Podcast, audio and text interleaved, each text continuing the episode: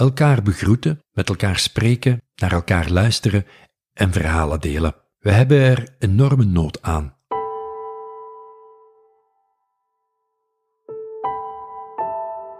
Mijn naam is Raf Stevens. Ik ga al een tijdje gesprekken aan met medewerkers van jullie afdeling, het departement Kanselarij en Bestuur. Dit in het kader van de podcast Verbonden door Verhalen.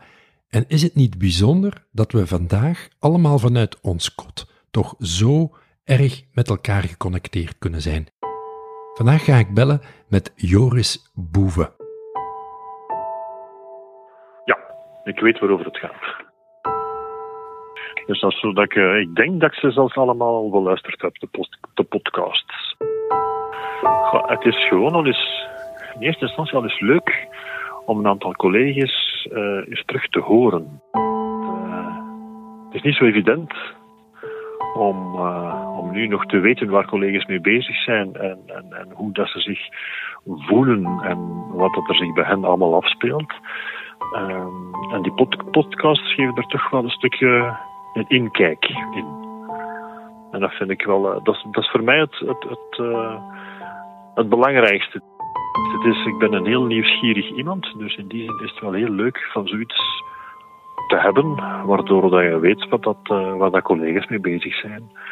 Uh, in deze niet evidente tijden, uh, waar dat we bepaalde dingen missen, waar dat we nu misschien meer bij stilstaan dan, dan anders.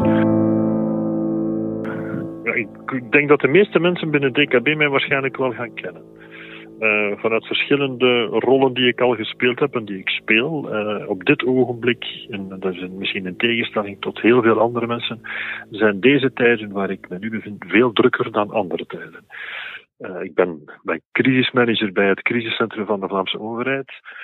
Dus wij zitten sinds oh, medio maart, of eigenlijk al iets daarvoor al, ja, bijna on, ja, continu in crisismodus de eerste weken, de eerste weken was het zo dat wij, ik denk dat we twee of drie weken, bijna drie weken, zeven op zeven gewerkt hebben. Uh, nu is de, als we zeggen, zitten we terug op een normaal ritme, meer normaal ritme. Dus minder, af en toe gebeurt het nog eens dat we tot s'avonds laat of in het weekend bezig zijn, maar dat is al een stukje minder. Dus uh, bij mij is de coronacrisis heel actueel. Hoe, hoe, lang werk je al binnen de organisatie? Bij DKB, sinds DKB bestaat. Dat is dus uh, 2015. Maar daarvoor heb ik al bij heel veel andere organisaties bij de Vlaamse overheid gewerkt, in heel veel verschillende jobs. Ik ben milieuinspecteur geweest, ik ben uh, HR-medewerker geweest, ik ben afdelingshoofd geweest uh, en nu ben ik crisismanager. Wat, wat maakt wat maakt de cultuur of het DNA of het beestje DKB's? Wat, wat, wat is er heel eigen aan DKB? Dat je heel veel mogelijkheden hebt.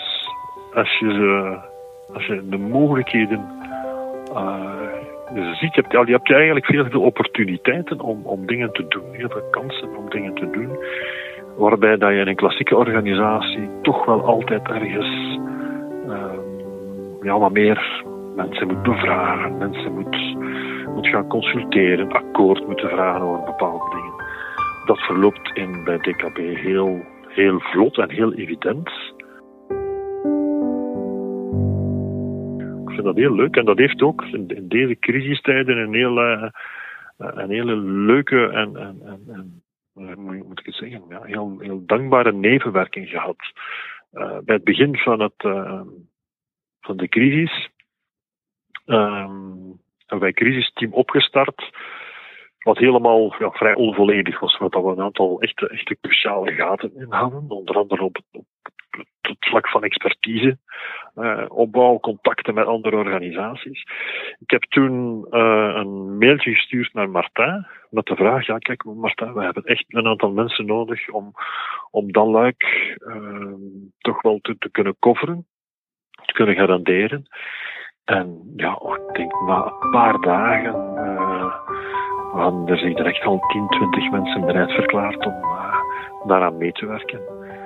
En dat loopt nog altijd en dat zal nog altijd, dat zal nog gedurende enkele maanden lopen. denk ik. Dus ik werk nu nauw samen met collega's en van DKB, maar ook van andere organisaties. Uh, bijna op dag, dagelijkse basis, maar dat is, dat is zo vlot. We hebben niemand de arm moeten omwringen binnen DKB om dat te doen. Mensen hebben zich spontaan aangeboden. Er is spontaan een, cultuur van, ja, we gaan, er, we gaan er samen voor. We maken er samen het beste van. Uh, we doen ons uiterste best. Uh, zijn dingen die, ja, eigenlijk uh, vanuit een heel respectvolle manier van tegen de dingen aankijken en met elkaar omgaan. dat, is, dat is ook heel aangenaam. Eigenlijk het, het, het, het moment dat je iets ziet gebeuren waarvan je zegt van goh, goh, hier heb ik misschien een meerwaarde of hier heb ik eigenlijk wel interesse voor, kan je nou, spontaan eigenlijk uh, daarop ingaan en uh, ja, in, meegaan in of, of zelfs een initiatief nemen. Dus het is een beetje, ja, het hangt ook van, van jezelf. Als je iets ziet gebeuren en je zegt van hier moeten we toch iets rond doen en dan zoek je een aantal mensen en dat gebeurt. Um, dus, dus die, die, ja, die zelfstandigheid, die, dat vertrouwen dat gegeven wordt om, om, om die zaken uh, toch ja, vanuit verschillende punten dingen op te nemen. Dus ik heb het toch nog, ik heb al in heel veel organisaties bij de Vlaamse overheid gewerkt, maar ik heb het nog nergens zo, zo zien gebeuren.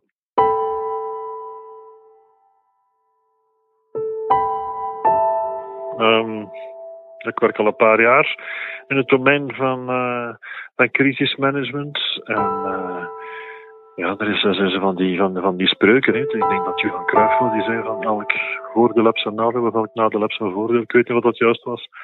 Uh, dat is bij een crisis ook zo. Dus bij een, een crisis creëert op een of andere manier altijd, altijd zaken in een, ten voordele van. Of in een, eigenlijk altijd ja, je zit altijd op een bepaald ogenblik in een, in in een, pad van opportuniteiten dat zich aandient. Dat zie je naar boven komen. Uh, we merken dat nu in de, in de praktijk. Ik denk dat we. Ik maak dagelijks gebruik van een IT-systeem Teams. Ja, oké. Tot uh, medio maart zat dat nog niet op mijn radar. Ja, door, doorheen de crisis, door het feit dat we dat dringend nodig hebben. Op, op een halve dag was dat geregeld. Ja, en zo'n situatie brengt voor veel mensen vaak onrust of onzekerheid met zich mee. Is het voor jou makkelijk om in rust of in vertrouwen te leven? Ik ben een grote optimist in mijn, uh, in mijn leven. Dus uh, ik zeg altijd: uh, every cloud has a silver lining.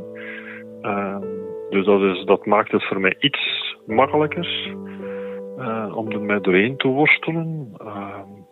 Wat het mij tegelijkertijd wat moeilijker maakt, is dat mijn, dat is mijn heel persoonlijke positie. Ik weet eigenlijk ook nog altijd niet of dat ik nu effectief zal overgaan naar het vice-departement of naar een ander agentschap. Dus dat, is, uh, dat, maakt, het voor, dat maakt het voor mij wel, uh, wel wat vervelend. Er komt een moment waarop iedereen ook weer terugkeert naar bureau. Dat ziet er nog niet naar uit dat dat morgen is. Maar hoe denk je dat de organisatie er dan zal uitzien? Gaat dit impact hebben, denk je? Ja, vanzelfsprekend. Tot en met, ja. Dat zal een impact hebben, impact hebben op de manier waarop we samenwerken, de manier waarop we vergaderen, de manier dat we ons, ons gedragen op de werkvloer. Dat zal uh, zeker in het begin zo zijn.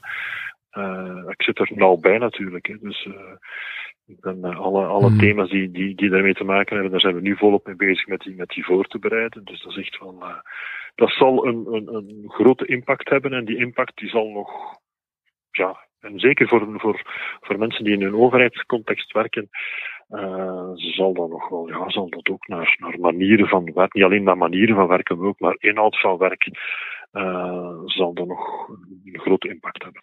Ja, ik, heeft deze crisis jou ook iets geleerd over jouzelf, Joris? Um, ja, ja toch, toch, toch wel. Toch wel. Ik, uh, uh, hoe moet ik het zeggen? Een, een, van de dingen, ik heb het, ik heb het dit, dit weekend nog, nog gelezen. Het is ergens, ik dacht dat het een wijsheid was van de, van de Dalai Lama. Die zei van, uh, je moet je geen zorgen maken over, het is zoiets als je, hoe moet je het zeggen? Zoek naar de juiste formuleren. Maar, hmm. Uh, het, is ook een, het is ook een filmpje dat ik erover gezien heb. Het is getiteld Why Worry? Hmm. En, en, het komt er eigenlijk op, op, op neer van, als je er zelf iets kan doen, ja, dan moet je geen zorgen maken. En als je er zelf niets aan kunt doen, ja, dan moet je eigenlijk ook geen zorgen maken. en dat is, dat probeer ik meer en meer, want er zijn natuurlijk, elke dag zijn er wel dingen waar ik mij misschien zorgen over maak, omdat dat nog niet in orde is, dat nog moet gebeuren, of die heeft iets verkeerd uh, begrepen, of ik heb iets verkeerd uh, doorgegeven, enzovoort, van die dingen. Maar dat stukje loslaten, van die beslommeringen loslaten en dat u zorgen maken om dat loslaten, dat, dat is voor mij wel een, een uh, een inzicht dat deze crisis met mij meegebracht heeft. Bij mij, voor mij meegebracht heeft dat wel, ja. Ja. En eigenlijk moet je nooit zorgen, zorgen maken. Hè. Dat is een beetje de, de clue van het verhaal. Dankjewel. Het is, het is geen gemakkelijk. Het is geen gemakkelijk. Oké. Verbonden door verhalen is een podcast van het departement Kanselarij en Bestuur. Wat graag gedaan, af. Om onderlinge verbondenheid te stimuleren. Deze podcast is ook een uitnodiging ja. om jouw verhaal te vertellen, om jouw ervaringen vanuit het ondertussen met mij en dus met al je collega's te delen. Oké. Neem hiervoor contact op met Stefan Marchand. Hij coördineert dit verhalenproject. Dat is goed. Voor nu, alvast dank om te luisteren en tot een volgende aflevering. Raf, bedankt. Tot ziens.